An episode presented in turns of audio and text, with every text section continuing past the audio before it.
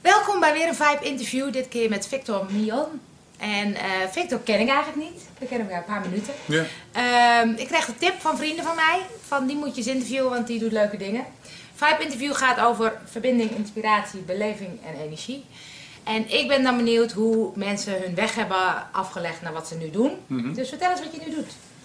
Wat ik nu doe is, eh, ik eh, geef trainingen. Ik ben een trainer. En ik eh, train mensen in, op hun mindset. En dat is verbeeld in vier verschillende mentale stemmingen. Ja, waar mensen zich niet van bewust zijn over het algemeen dat ze daar keuzes in kunnen maken. En wat ik daar heel erg leuk aan vind is om mensen in situaties te brengen waarin ze voortdurend de keuze hebben. Mhm. En waarin, waarin ze uitgedaagd worden om veerkracht te laten zien. En dat is eigenlijk wat ik, wat ik doe in teams over het algemeen. En het uitgangspunt is vaak om dingen in beweging te brengen, om verandering te creëren. Dus in die sluit, in zin sluit het wel mooi aan bij, eh, bij de vibe. bij de vibe, Ja. een goede vibe Ja. En als we even teruggaan naar ooit, want nu ben je coach. Hoe ben je ooit tot de keuze gekomen tot werk, tot opleiding? Hoe is dat gegaan? Jeetje. Ja, even een stukje terug. Ik, eh, ik ben altijd eh, sportfanaat geweest. Ik ben, eh, wat ik gaaf van sport vind is, het is direct, het is direct zichtbaar, het, is, het geeft ook direct resultaat. Dus input en output zitten ontzettend dicht bij elkaar Ja. en dat heeft me altijd enorm aangesproken. Daarnaast, wat me daarnaast meer en meer aansprak, dat was een beetje toen ik een jaar of 20, 25 eh, werd, is die mentaliteit van, van mensen, van Ja. spelers Ja. en, en teams. En dat heb ik eigenlijk eh, ja, uitgebouwd tot het moment dat ik eh, coach werd van professionele tennissers. En eh, zoals dat gebruikelijk is, met tennis, maar ook met heel veel andere sporten, heb je een time-out. En als, Ja, als coach toen, of als trainer, heb je in die time- time-out een paar seconden om iets met ja de mindset van iemand te doen. En eh, ja, dat, dat vond ik onwijs gaaf. En dat heb ik op hoog niveau mogen doen. Althans, de spelers die ik coachte, Ja. eh, die konden eh, behoorlijk goed tennissen. Die verdienen hun geld daarmee. Ja. En eh, ik had eh, als tennisser zelf niet dat niveau. Maar toch eh, werd ik geaccepteerd. Sterker nog, ze vonden het fijn dat ik naast hen zat. En me toen onvoldoende gerealiseerd dat dat een talent van mij is. En dat heb ik later, toen ik het bedrijfsleven instapte, weer een aantal jaren later, heb ik dat verder geëxploreerd. eh, en geëxploiteerd tot, tot one-minute coaching. One minute coaching. Ja. En even terug nog, want je zegt ik was sportfanaat. Had je dan zelf een soort droom van ik wil zelf die tennisser worden? Of hoe, hoe ma- Hmm. maak je die beslissing? Ja, dat is een leuke vraag. ja, ik denk dat in eerste instantie was het ook wel zoiets van ik had zelf ook graag die tennisser Ja. willen, willen worden. Maar daar kwam ik al vrij snel achter dat dat niet voor mij eh, niet, eh, weggelegd was. En daarna eh, vond ik het onwijs gaaf om eh, eh, bij de scene te horen. Dat, dat is het ook wel. Dus mijn ego, eh, die behoorlijk groot is, die eh, vond het ook wel gaaf om zelf ook in de schijnwerper te ja, staan. heel eerlijk, ja. Ja, en, ehm, en ik, ik, ik merkte dat ik steeds een toegevoegde waarde eh, Ja. kreeg. Want dat vind ik wel belangrijk. Het moet wel ergens toe doen. Ehm, of ik moet wel ergens toe doen. ja. En toen dat eenmaal begon te bewegen, merkte ik ook dat ik het leuk vond, dat ik er goed in was en dat ik daar steeds beter in werd. En, eh, maar het is inderdaad begonnen met de behoefte om eh, zelf ook zelf gewoon ook. heel goed, eh, goed te zijn. Snap ik ja. wel hoor, zou ik ook best willen. Ja, ja. En ehm, dan zeg je, is het dan een keuze van, nou je merkte je was zelf niet goed genoeg. Is het dan bewuste keuze of rol je er dan zo in om dan op een gegeven moment coach te worden? Of zeg je, ja, Nee, daar rol je in. Daar rol je wel in. Ja, en dat heeft ook te maken met een tomeloze inzet en, en van mijn kant. En, en de wil om te begrijpen wat door het hoofd van zo'n speler heen gaat. Eh, net zoals dat nu bij wijze van spreken met mijn eigen concept gebeurt, waarbij ik ook een tomeloze energie Ja. eh, erin leg om eh, te laten en eigenlijk ook te bewijzen aan de wereld dat dit een heel belangrijk onderdeel van een verandering of een cultuurverandering binnen bedrijven kan zijn. Ehm, dit is niet iets wat je ook niet als coach toen zomaar overkomt. Daar moet je wel wat voor doen. ja, En dat heb ik ook gedaan. Ik heb me echt enorm verdiept in het spel van de spelers op dat niveau. Waardoor ik ook wel echt wel wist waar ik over sprak. ja. Ja. En dan ben je coach en dan op een gegeven moment zeg je, ik ging het bedrijfsleven in. Ja, ik heb, eh, even kijken, tot 98, 99, vorige eeuw heb ik echt nog gehoopt dat ik bondscoach zou worden. Dus eh, eh, op het allerhoogste niveau. Ja, Nou, de kans dat dat zou gebeuren was erg klein. Want je moet als, als tennisser moet je ook zelf een behoorlijk hoog niveau Ja, eh, precies, hebben gehaald om daarvoor in aanmerking te komen. Toen heb ik Ehm, ik denk een anderhalf, twee jaar tijd. Ehm, ja, mijn vizier veel meer gericht op het bedrijfsleven. Wat een enorme stap was voor mijn eh, Ja? doen toen in die tijd.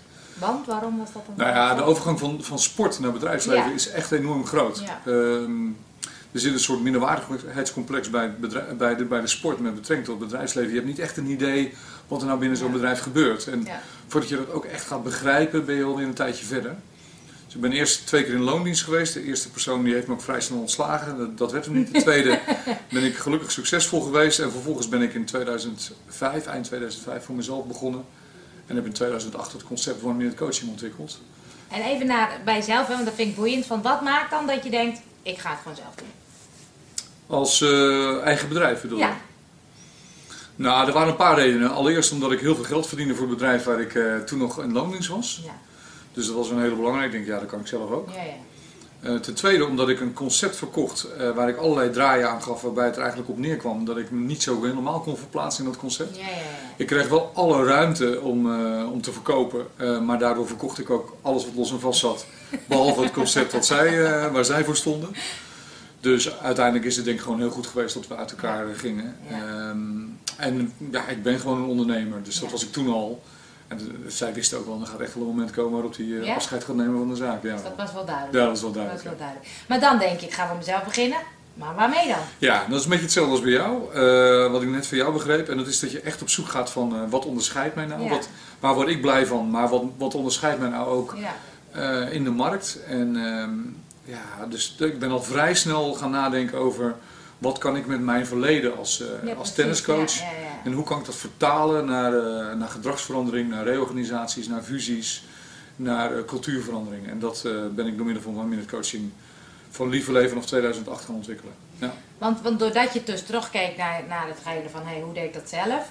Die one minute, kijk toen ik dat hoorde dacht ik klinkt gelijk al goed.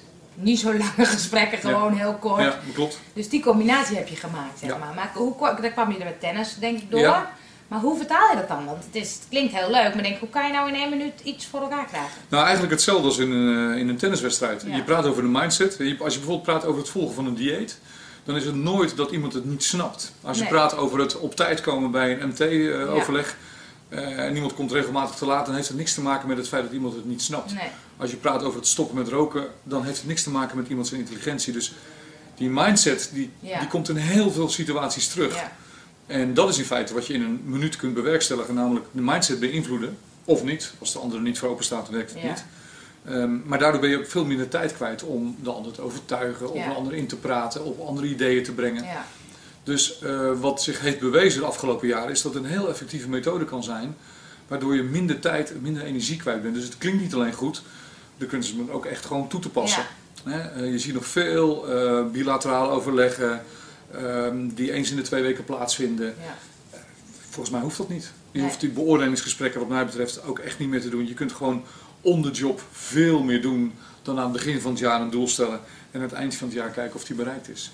En dat Ja. zie je toch nog wel in hele, in hele traditionele bedrijven zie je Ja. dat nog steeds op die manier gebeuren. En ik denk dat One Minute Coaching daar, nee ik weet dat One Minute Coaching daar een alternatief voor is. ja. En is dat dan korte eh, interventies die dus Ja. jou... Maar noem eens iemand die altijd te laat komt. Wat, wat, wat, wat? Ja, we hebben vier technieken. Ja, Ja. Dat is heel leuk. Je hebt vier technieken. Je kunt iemand complimenteren. Dan niet zozeer op het feit dat hij te laat is uiteraard, maar wel op het feit dat hij er is. En dat precies. persoon 50 kwaliteiten meebrengt. Want dat is, wat ik, dat is mijn uitgangspunt. Ieder mens heeft minimaal Oké. 50 kwaliteiten.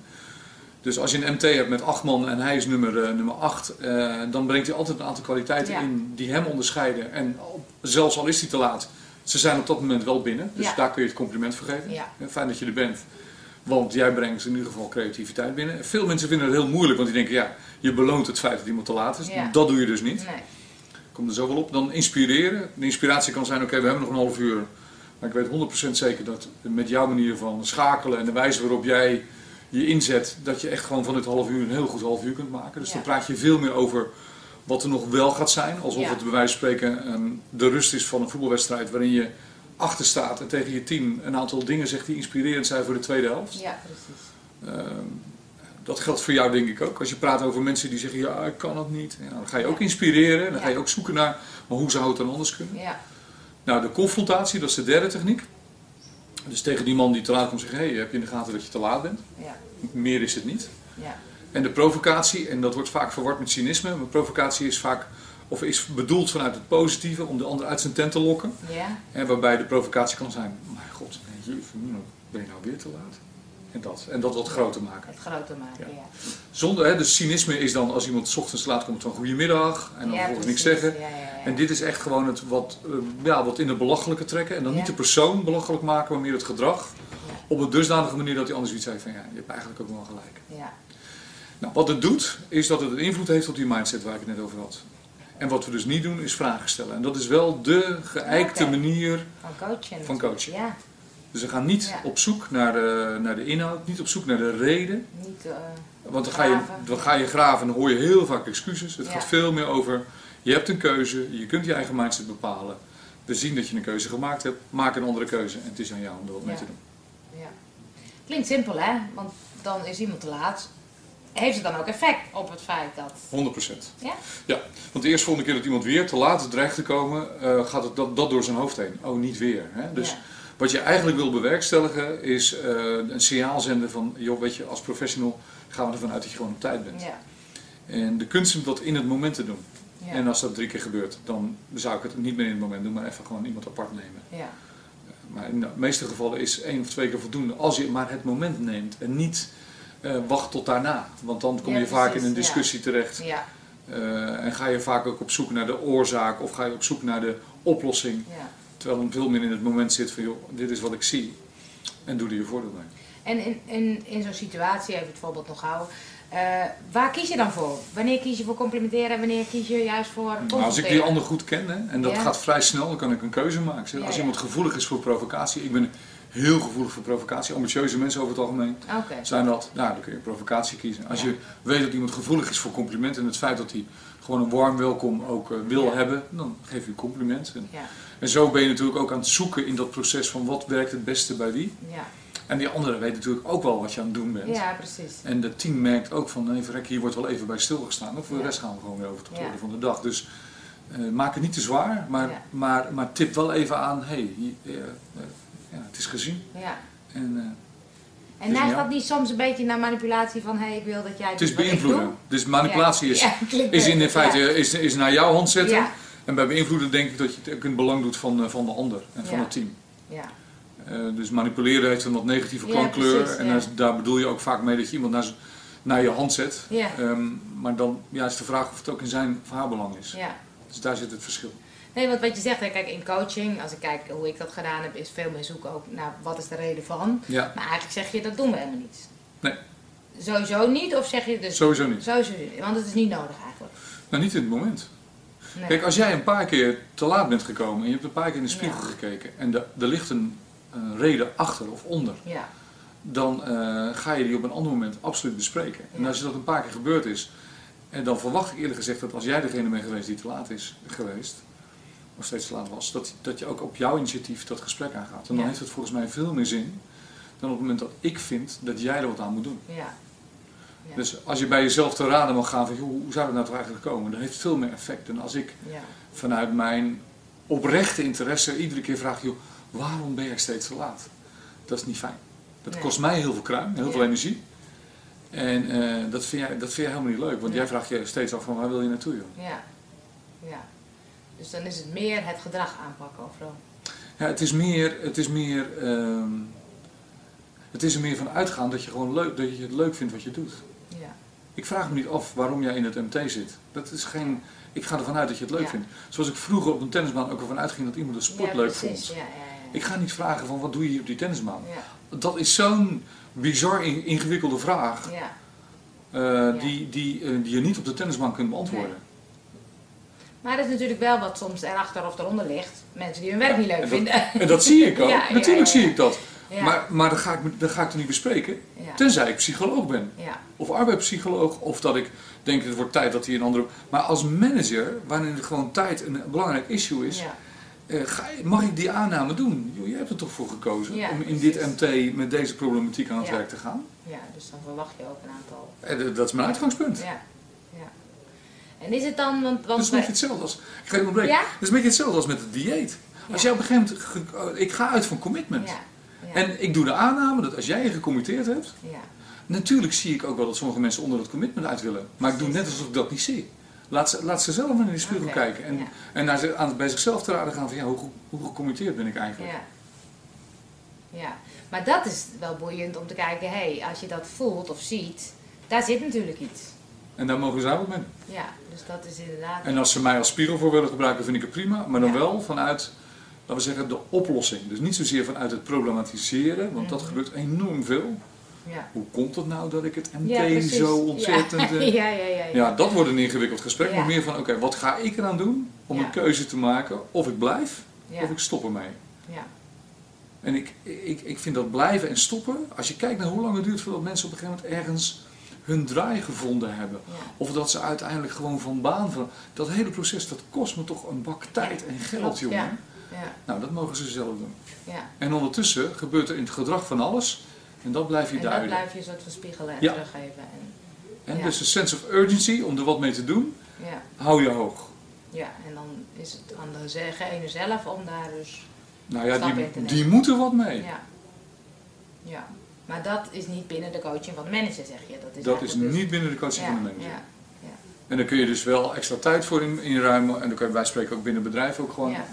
En ik, nogmaals, ik vind dat er te lang bij stil wordt gestaan. Er zijn een soort psychologen die, dat niet echt, die er niet echt voor gestudeerd hebben, die het heel ingewikkeld maken daardoor. En eh, daardoor hele langdurige processen kunnen ontstaan. Ik zie soms mensen twee, drie jaar lang twijfelen of ze wel of niet willen stoppen met de baan. ja, precies. En dan vervolgens nadat ze weg zijn, na een half jaar zeggen, oh dat had ik veel eerder moeten Ja, precies, Oh ja. man.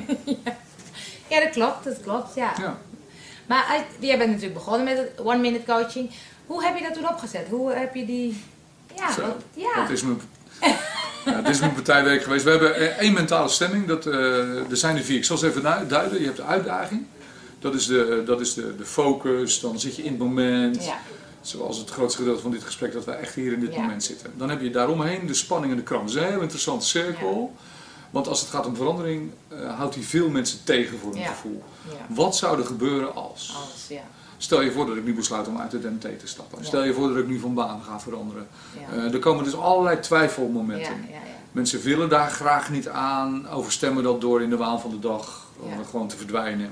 Heel interessant cirkel. Nou, daar heb ik, ik denk wel sinds die overgang van dat moment dat ik besloten heb om met one minute coaching aan de, aan de slag te gaan en dat echt op te zetten, nou, misschien wel twee, drie jaar ingezet. Ja, ja, ja. Daarnaast heb je nog woede en frustratie. Nou, die zitten natuurlijk ook. Dat is dan weer een cirkeltje verder. En tenslotte heb je afhaken. Afhaken is een heel interessante. Want dat zie je vaak veel mensen doen die van de spanning en de kramp gaan naar uitstellen gaan. Ja, precies, ja. Nou, ik ben niet van uitstellen, dus ik heb heel lang in die spanning en de kramp gezeten en Ja. me afgevraagd van, ben ik nou wel de juiste persoon om dit Ja. kind ter wereld te brengen? Wat gebeurt er nou als ik eh, dit eh, als een volwaardig product probeer te verkopen in het bedrijfsleven? Nou, ik word afgeschoten of Ja, als, als kind, eh, hoe zeg je dat, als eh, kind met badwater weggespoeld. ja, precies. Dus het was, wow, dat was echt heel heavy. Ja, ik heb in 2011 heb ik een boek geschreven. Ja, Dat heeft me wel enorm geholpen, want daardoor had ik zoiets van, nou, dan heb ik in ieder geval iets wat ik achterlaat. ja, Ehm, en nu heb ik er wel na tien jaar ook wel het vertrouwen dat het ook echt gewoon ehm, postvat. Dat het goed gaat landen, dat het een Ja. kans krijgt om, om als volwaardige methode ook naast al die andere methoden te zijn. Maar dat heeft echt wel een tijd geduurd. Want je bent dus altijd wel door blijven gaan. Ja. Je bent niet afgehaakt. Ik ben niet afgehaakt. Nee. Wat maakt dat je het dan volhoudt? Wat maakt dat je toch altijd doorging? Goeie vraag hoor. Ehm, ambitie, Mhm. denk ik. Ontzettende wil om ook echt een voetafdruk op deze aarde achter te laten. ja. Toch die sportersmentaliteit. Ja, ja, ja, ja, ja, eh, ja. Ja, Dus ehm, ik denk dat er wel seconden geweest zijn dat ik af- ben afgehaakt. Dat ik echt dacht van nou, bekijk het allemaal maar. Ja, ja. Maar nooit langer dan dat. En Ja. dat was iedere keer wel weer van, ja jeetje, maar dit is wel weer heel erg gaaf. ja. Eh, en dat is wel heel fijn als ik zo nu en dan in dat proces ook positieve feedback krijg van een klant. Of eh, een mailtje. Of, en dan, grappig genoeg komen die dan op zulke momenten dan ook wel. En daar heb ik wel heel veel kracht uit gehaald. Omdat ik zoiets had van ja, dit is wel mijn, eh, dit is wel mijn manier om, ja, om iets achter te laten. Waar mijn kinderen ook trots op kunnen zijn. Ja. Waar ik zelf trots op ben. Ja. Dus het zit wel, het zit wel diep. Ja, Ja. ja. En is het dan ook zo dat je zegt, nou weet je, nu eh, is het al goed? Want ik, ik heb dit al achter. Ik heb een boek, twee boeken volgens mij al geschreven. Of zeg je nee, ik heb nog wel een soort plan voor de toekomst? Ja, ik heb nog zeker een plan voor de toekomst. Ja, nee, het is, nog niet, het is nog niet daar waar het zou moeten zijn. Oké. En waar zou het dan moeten zijn? Nou, ik wil eigenlijk gewoon mee kunnen doen met elke methode in Nederland die gebruikt wordt Mhm. bij, eh, bij cultuurverandering, bij reorganisaties, bij fusies. Ik wil ook veel meer mee kunnen doen met de grote jongens. Eh, ik sta regelmatig als motivational speaker sta ik voor, eh, voor, voor clubs. Nou, die mogen wat mij betreft nog veel groter. Ehm, ik, ik heb een enorm groot ego. Ik zoek een groot podium. Ehm, ja, ik wil er nog steeds meer van de daken schreeuwen. Ik wil graag naar het buitenland. Dus ik heb nog wel heel veel eh, Helemaal, snode plannen. Ja, ja. En heb je dan het gevoel van, want ik vind dat boeiend om te kijken van, eh, ontstaat het leven gewoon hè, door de stappen die we nemen? Of hebben we nou heel veel invloed dat als we het maar goed neerzetten, dat we er ook komen? Is het toeval of is het controle? Nou, je, je hebt natuurlijk in feite niks onder controle. Nee. Dat is mijn uitgangspunt. Ja. Eh, wat ik wel weet is dat als ik in een way of life, want het is mijn way of life Ja. geworden, me, me er voor 100% voor commit, eh, dat ik dan wel heel veel dingen kan maken. Dus ik geloof wel Ja. in een maakbare eh, samenleving. Eh, Maar je moet er wel heel veel voor doen. Ja. En ik heb de gelukkige omstandigheid dat ik een ongelooflijk eh, gave en lieve vrouw heb. En eh, fantastische kinderen. En we hebben een samengesteld gezin en het zit super goed in elkaar. Ik ben nu sinds anderhalf jaar ben ik opa. Oh, wauw. Ja, dus, eh, dus weet je, dat zijn wel omstandigheden die daar een hele Ja. belangrijke rol eh, bij spelen. Waardoor ik ook gewoon ehm, het idee heb dat ik dingen kan blijven maken. En dat ik me daarop kan focussen. Ja. Maar ik weet ook aan de andere kant ja, dat het ook weer zo weg kan zijn. Dus Ja. ik ben ondertussen van het proces enorm aan het genieten. Want zo klinkt het wel, hè? Precies, ja. Dat Alsof ik bij wijze van alleen maar blij ben als het over tien jaar gerealiseerd is. Maar zo is het niet. Ik kan echt enorm, eh, als geen ander, genieten van, van het proces. Ja. Is nog veel dat, belangrijker Dat zelfs. vind ik mooi, want je zegt inderdaad ego, dingen bereiken, dingen neerzetten, hè, die voets. Ja. Dat klinkt soms als van eh, pas als het daar is. En dat vind ik altijd boeiend, want dat is altijd met nooit meer was. Als ik slank ben, ben ik gelukkig. Ja. Als ik heb carrière, ben ik gelukkig. Dat het eigenlijk altijd in de toekomst is. Ja. En dat stuk vind ik boeiend. En ik denk, hé, hey, is dat inderdaad zo? Want dan voel je ook dat het eigenlijk nooit goed genoeg is. Nee. Want als je daar bent, dan heb je wel weer een volgende stap die je, moet, eh, die je moet nemen. Maar zo werkt het niet voor je. Want je zegt eigenlijk, ik kan ook heel goed in het nu. Ja, ik ben nu ook nu. nu. Ik kan echt van dit moment kan ik echt genieten. Ja, Ja, nee, ik. eh, maar dat is ook een onderdeel van natuurlijk van mijn eigen leerproces. Ja. Hè? Eh, vroeger was ik ontzettend resultaatgericht, dat denk ik Ja. nog steeds, maar ik kan zoveel meer genieten van het proces. ja, Ik, ik kan me, dat is wel grappig, ik kan me soms ook niet meer verwonderen over dat wat ik wil bereiken, ik op een gegeven moment ook bereik. Het, soms, moeten anderen me, soms moeten anderen mij erop attenderen. ja. Van hé hey joh, eh, sta hier eens even bij stil. Ja, ja, ja. En niet dat ik er dan weer al aan het volgende bezig ben, maar zoiets heb van ja, maar dit had ik gewild en dit gebeurt Dit ook. gebeurt ook, ja. Dat is wel Ja. eh, heel bizar. Maar ik leef wel mijn, wel populair gezegd, maar ik leef wel mijn droom in die Ja. zin. Of mijn doel. Ja. En dat is wel leuk, dan moet ik denken aan het sporten. Dat je, ik, ik, ik herken dat sportwedstrijdelement en dat willen winnen. En eh, ik tennis zelf ook. Dus in de tenniswedstrijd vind ik dat heel boeiend om dat mentale proces ook te zien. Ja. En het is natuurlijk wel dat je gaat voor die winst. Dus je gaat altijd voor het doel. Ja. En ik kan soms tennissen, nou dan ben ik alleen maar gefrustreerd, weet je. Omdat het niet gaat en het lukt niet. En, Ja. Terwijl ik denk, ik vind tennis leuk, weet je. Ga dan eens genieten. Ja. Ja. Maar dat, dat- en die twee, dat inderdaad dat willen bereiken van het winnen, maar ook het proces. Dat vind ik wel een mooi, mooi proces om daar iets in te leren. Wat ik mensen leer is eh, een onderscheid te maken tussen het resultaat, Mhm. de winst of het verlies Mhm. bij een tenniswedstrijd, eh, en de prestatie. en Datgene wat je ervoor doet. Ja, En ik heb geleerd dat het resultaat nooit voor 100% in mijn handen ligt. Ja, Dat is een gevolg Ja. van mijn prestatie die ik wel voor 100% kan bepalen. ja, En daar focus ik mij op. ja. En als ik dus weet dat ik er alles aan heb gedaan, dan komt het resultaat er vanzelf. Wat het dan ook is. Precies, wil niet zeggen dat altijd nummer één is of dat je altijd Nee. winst. Of, ja. Nee. Dus vandaar dat ik ook echt mezelf geleerd heb, veel meer dan vroeger, als tennisser of als coach van tennissers, om te genieten van de prestatie. Om Dat te genieten mooi, van het moment. Ja. En dat neem je dus ook mee in je bedrijf. Dat neem ik mee in mijn bedrijf, Ja. dat neem ik mee in mijn zijn, dat neem ik mee naar mijn kinderen, dat neem ik gewoon... Dus als ik bijvoorbeeld praat over het maken van een boek, ik ben met mijn volgende boek bezig, die komt dadelijk in juni komt die op de markt. Dan ben ik ook echt aan het genieten van het maken van het boek. En Mooi. er gebeurt, het gebeurt zelden dat ik denk van ik hoop dat het goed verkocht wordt. Ja? Of ik, kan je dat loslaten? dat- helemaal. Ja? Helemaal. Ja. Ik ben Mooi. niet bezig met als het alvast maar klaar Nee, ik kan echt me heel, ik kan verdwijnen in dat verhaal Oh, ik aan het schrijven ben. Ja, dat is zo lekker. Ja. En is het iets wat je jezelf geleerd hebt? Of? Ja. Ja? Dat kun je ook leren. Ja, en. Dat, is ook, ja, dat is ook wat ik eh, propageer. Je kunt dit leren. Ja. Dat is hetzelfde als met het dieet. Het is een prachtig voorbeeld. Als je alleen maar gefocust bent op dat moment dat je in de spiegel tevreden over jezelf Ja, kunt precies. zijn. Dan, Gaat, gaat niet gebeuren. nee, en dan is de kans dat je het vasthoudt ook zo ja. kleiner. Ja, ja, ja. It's a way of life. Het is niet alleen maar als dan. ja, precies. Dat is mooi, hè? Dat als dan. Ja. Ja. Mooi. Nou ja, ik vind het wel een mooi eigenlijk. Mooi. Als mensen meer over jou willen weten, waar kunnen ze jou vinden? Op uh, oneminutecoaching.nl. Dat is eh, Dat is makkelijk. duidelijk genoeg, hè? Of op uh, Victor Mion. Ja. Ja, top. Dankjewel. Graag gedaan. Ontzettend leuk. Ja, En wat een, uh, wat een goede vraag uh, Dankjewel. heb je gesteld. Ja, ik vond het een leuk gesprek. Ja, Ja, ik ook, ja. top. Dankjewel.